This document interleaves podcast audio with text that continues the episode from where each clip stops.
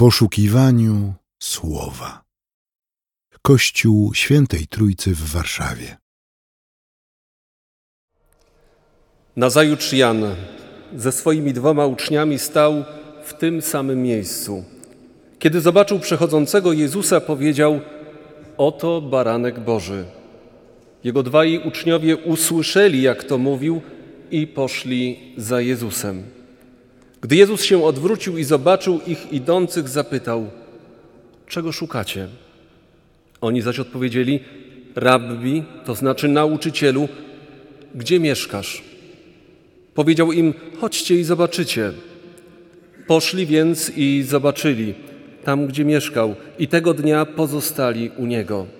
A było to około godziny dziesiątej. Andrzej, brat Szymona Piotra, był jednym z dwóch, którzy to usłyszeli od Jana i poszli za nim. Odszukał on najpierw swojego brata Szymona i powiedział do niego: Znaleźliśmy Mesjasza, to znaczy Chrystusa. I przyprowadził go do Jezusa. Jezus zaś spojrzał na niego i powiedział: Ty jesteś Szymon, syn Jana, ty będziesz się nazywał Kefas, to znaczy Piotr.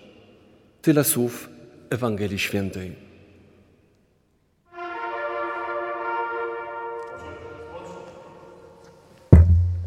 Proszę usiąść. Wielce szanowni i czcigodni goście dzisiejszej uroczystości, bracia i siostry w Jezusie Chrystusie. Jest takie amerykańskie powiedzenie: jeśli chcesz mieć 200 dolarów, zatankuj za 50 dolarów swój samochód i udaj się do pracy. Powołanie, służba wymaga od każdej i każdego z nas. Młodzież powie dziś inwestycji, my powiemy, trochę starsi, ofiary. I myślę, że o tym nie muszę dzisiejszego dnia nikogo z Was przekonywać. Każdy z nas, kto stoi w służbie dla Kościoła, dla Boga, w służbie dla naszej ojczyzny w Wojsku Polskim, musiał coś ofiarować. Wcześniej może zainwestować w swoją wiedzę, swoje umiejętności i każdego dnia je pogłębiać, każdego dnia je poszerzać po to, aby rzeczywiście to, co my nazywamy służbą, po pierwsze podobało się Bogu, a po drugie przynosiło wymierne korzyści i radości dla naszego państwa, dla naszej ojczyzny, dla wszystkich naszych współobywateli. W dzisiejszej Ewangelii Jezus Chrystus powołuje swoich pierwszych uczniów. I moi drodzy, nie są to uczniowie, przepraszam za wyrażenie, wyrwani znikąd. Pierwsi dwaj pochodzą ze szkoły, którą prowadził już Jan Chrzciciel. Tam zdobywali pierwsze szlify, tam zdobywali pierwsze umiejętności, tam w zupełnie inny sposób niż do tej pory mogli spoglądać na życie duchowe, nie to, które było w świątyni prowadzone przez arcykapłanów i kapłanów, ale przez to, które w zupełnie innym wymiarze, duchowym wymiarze prowadził y, Jan Chrzciciel. Patrzyli na Jana, słuchali jego słów. On nawoływał do nawrócenia, prawdziwego nawrócenia, odwrócenia się od tego, co złe. Gromadził tych wokół siebie, których chciał przygotować i wysłać do służby wśród y, narodu izraelskiego, ale wiedział, że będzie i będzie tylko i wyłącznie tym, który przygotowuje drogę dla tego, kto przyjdzie po nim, dla samego Chrystusa. I gdy Jezus przechodzi obok Jana Chrzciciela, jego uczniów, Jan składa wyznanie: Oto baranek Boży. My często tego zwrotu również w kościołach używamy. Oto baranek Boży. Co naprawdę dla Izraelity ten zwrot znaczył? Baranek Boży to ten, który jest położony na ofiarę. Ofiarę wyzwolenia, ofiarę odkupienia poprzez przelanie krwi po to, aby pojednać lud z Bogiem. Baranek Boży, którego zapowiada Jan Chrzciciel, to Mesjasz, to Chrystus. to ten, który przychodzi, aby odkupić każdą i każdego z nas z naszych grzechów i przelać swoją krew. To, co najcenniejsze, oddać swoje życie. Za Ciebie, droga siostro, za Ciebie, drogi bracie, za mnie samego. Te słowa ujęły uczniów Jana Chrzciciela, ujęły Andrzeja. Poszedł od razu za Jezusem. On nie zapytał, co się będzie działo. On nie chciał rozmawiać o warunkach swojej służby, pracy, nauki z Chrystusem. Poszedł, możemy powiedzieć, w ciemno, bo usłyszał świadectwo. Usłyszał słowo, które poruszyło jego serce i wiedział, że ten, który idzie przed nim teraz, Jezus Chrystus, może odmienić jego życie. Co więcej, Andrzej na tym nie poprzestaje. On nie bierze tylko i wyłącznie dla siebie samego. Idzie i oznajmia innym. Szymonowi mówi: Chodź, odnalazłem Chrystusa. Odnalazłem tego, który przyszedł jako syn Boży. Odnalazłem tego, który ma odmienić oblicze dotychczasowego świata, bo chce przynieść pokój, bo chce dowartościować każdego człowieka, bo chce być dla każdego otwartym i chce być przewodnikiem dla tych, których powołuje, po to, aby ich nauczyć dla kolejnych pokoleń. W tej sztafecie pokoleń przekazywania daru wiary, służby, po to, aby Kościół trwał i trwa po dzień dzisiejszy, po to, abyśmy my mogli również, szczególnie wy, drodzy, swoje umiejętności i wiedzę przekazywać kolejnym pokoleniom, aby nasza ojczyzna trwała i była bezpieczna. Zaproszenie Jezusa pójdź za mną to zaproszenie do trudnej i ciężkiej służby, nawet niewdzięcznej moglibyśmy w dzisiejszych czasach powiedzieć. To zaproszenie do bycia chrześcijaninem i często nieobserwowania owoców, które nasza służba przynosi. Zasiew jest prowadzony, ale zbiór owoców niekoniecznie jest widziany i nie, nie staje się materialny przed naszymi oczyma. Zaproszenie do służby przez Jezusa, ale zaproszenie też i do służby w wojsku. To zaproszenie, w których trzeba przełamać, pokonać bariery, mury, bramy, wszelkie przeszkody, aby plon chwały mógł zostać wydany. Uczniowie zafascynowali się Chrystusem i poszli za Nim. Jedni na skutek świadectwa, tak jak Andrzej złożył Piotrowi, inni na skutek samego zaproszenia, bezpośredniego zaproszenia, gdy Jezus mówi: Pójdź za mną. Jeszcze inni, bo usłyszeli i zobaczyli, jak Jezus y, działa i co Jezus robi dla tych, do których został y, posłany. Za kim Ty, droga siostro, drogi bracie, poszedłeś? Kto Ciebie w Twojej służbie zafascynował? Zafascynował swoją postawą, swoim zachowaniem?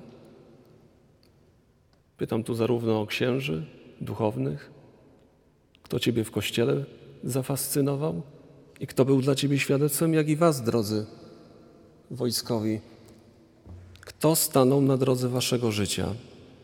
Czy były to wielkie postaci naszej historii, które składały ofiarę poświęcenia dla wolności i suwerenności naszej ojczyzny Polski, naszej ziemskiej ojczyzny? Czy może był to wzór marszałka Piłsudskiego, może był to wzór generała Andersa, czy innych wybitnych, wielkich przywódców i dowódców? A może po prostu był to wzór wyniesiony z domu.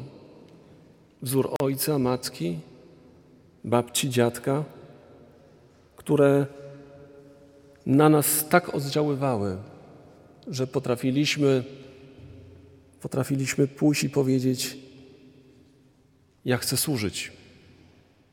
Ja chcę służyć Chrystusowi, ja chcę służyć mojej ojczyźnie. My dziś szukamy powołań, zarówno w kościele, jak i szukamy tych, których chcemy powołać do wojska. Jakimi wzorami my jesteśmy? Dla tych, którzy może usłyszeli głos powołania, ale czy gdy spojrzą na nasze zachowanie, na to, kim jesteśmy i w jaki sposób się wzajemnie traktujemy, czy dalej będą zafascynowani i chcieli, będą chcieli wypełniać to powołanie? A może dziś jesteśmy w momencie, gdy jest nam ciężko, gdy ciężar powołania niesiony na naszych ramionach zaczyna nas przygniatać. Może czujemy nawet zrezygnowanie, nie widząc właśnie owoców naszej służby i pytamy o jej sens. Jeśli tak jest, to chciałbym, abyście choć na chwilę wrócili w swoich myślach do czasów, kiedy ten entuzjazm w nas wszystkich, entuzjazm z powołania był niesamowicie żywy, wielki. Kiedy snuliśmy swoje plany, myśli, wizje, kiedy czuliśmy miłość wręcz do tego, co chcieliśmy robić. Może te chwile powrotu i myślenia o tym, co było kiedyś, na nowo nas ożywią i spowodują, że nasza służba stanie się jeszcze bardziej efektowna i efektywna, przyniesie swoje efekty w naszym życiu. Pójdź za mną, mówi Jezus. Uczniowie nie pytają, gdzie będą mieszkać. Jezus mówi: Lisy mają jamy, ptaki mają swoje gniazda, a syn człowieczy nie ma, gdzie by głowę skłonił. Ale uczniom to nie przeszkadza. Oni są zachwyceni postawą Chrystusa. Dlaczego? Bo widzą go, że ma czas. Czas dla każdego, dla kobiety, dla mężczyzny, dla starszych, dla młodszych, nawet dla najmłodszych, dla dzieci. To wymaga często cierpliwości. Kto był nauczycielem albo wychowywał swoje dzieci, wie, to wymaga niesamowitej cierpliwości. Jezus ten czas ma. Pozwólcie dzieciom przychodzić do mnie. Nie zabraniajcie im. Oni widzą, że Jezus nie dzieli ludzi, nie dzieli na tych lepszych, gorszych, na tych, którzy są bardziej godni Jego łaski i uznania i na tych, którzy nie są godni. On spotyka się w naszym mniemaniu, patrząc na prawo rzymskie, nawet z największymi grzesznikami. Znajduje dla nich czas i dobre słowo. Dlaczego to robi? Żeby nawrócić, naprawić człowieka, żeby sprowadzić go na dobrą drogę. Wreszcie uczy nas tego, aby oddać swoje życie w tej służbie za drugiego człowieka. On kładzie w swojej ofierze krzyżowej swoje życie po to, aby nas pojednać z Bogiem i zbawić w służbie wojskowej, po to, aby zapewnić bezpieczeństwo. I tak jak mówicie w przysiędze, krwi własnej nie szczędzić. Bycie w szkole Chrystusa ale i też pełnienie służby to dla nas wszystkich powinien być niesamowity zaszczyt. Czcigodni goście, dziś gromadzimy się tu, aby właśnie za ten zaszczyt służby podziękować. Służby dla naszej ojczyzny, służby w Wojsku Polskim, służby w kościołach. Podziękować Bogu za Jego błogosławieństwo, za Jego ochronę i pomimo trudnych wydarzeń i trudnej sytuacji, która teraz panuje, o której myślę, że nie muszę dzisiaj nikogo uświadamiać ani jej przybliżać, to odczuwamy dziś wewnętrzne bezpieczeństwo, bo jeśli Bóg z nami, któż przeciwko nam? Jeśli idę za Chrystusem, to kto podniesie na mnie rękę? Jeśli Jemu zaufałem i Jemu powierzyłem całe swoje życie i całą swoją służbę, to wierzę, że On da zaopatrzenie, On da ochronę i On da też dary Ducha Świętego, którymi będę mógł służyć i działać dla innych. Wspomniałem wcześniej o sztafecie pokoleń. To, moi drodzy, wspólna praca dla Jezusa, dla Ojczyzny. Pierwszy był Jan Chrzciciel, uczniowie Chrystusa, apostołowie, dziś jesteśmy my. Chrystus przychodzi na ten świat, aby człowieka z Bogiem pojednać, aby przybliżyć nam reguły i zasady Królestwa Bożego, które są diametralnie inne od tych, których, którym oddaje się hołd w dzisiejszym świecie. Aby odnaleźć tych, którzy się zagubili, a może nawet zgubili. Jeśli choć raz w życiu usłyszałeś od Chrystusa, pójdź za mną. Jeśli On Cię odnalazł, jeśli On do Ciebie przemówił, to prowadź dalej Jego misję. Tam, gdzie Bóg Cię posłał i postawił. Bo On chce też innych obdarzyć tą łaską. On chce, aby ta radosna wiadomość i entuzjazm z poznania Go były przekazywane tym, którzy przyjdą po nam, po to, aby Kościół, państwo, wojsko trwało i było naszym wspólnym dobrem. Niech Pan Bóg błogosławi wolną Ojczyznę Polskę, niech błogosławi Wojsko Polskie, wszystkich jego dowódców, oficerów, podoficerów, żołnierzy. Niech Pan Bóg błogosławi państwo nasze i wszystkich rządzących naszym państwem. Niech czas, który jest dla nas czasem łaski, zostanie dobrze, efektywnie przez nas wykorzystany. Amen.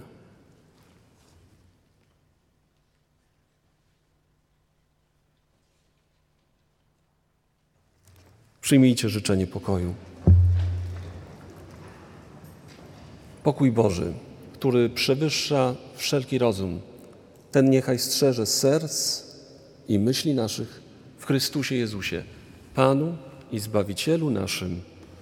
Amen.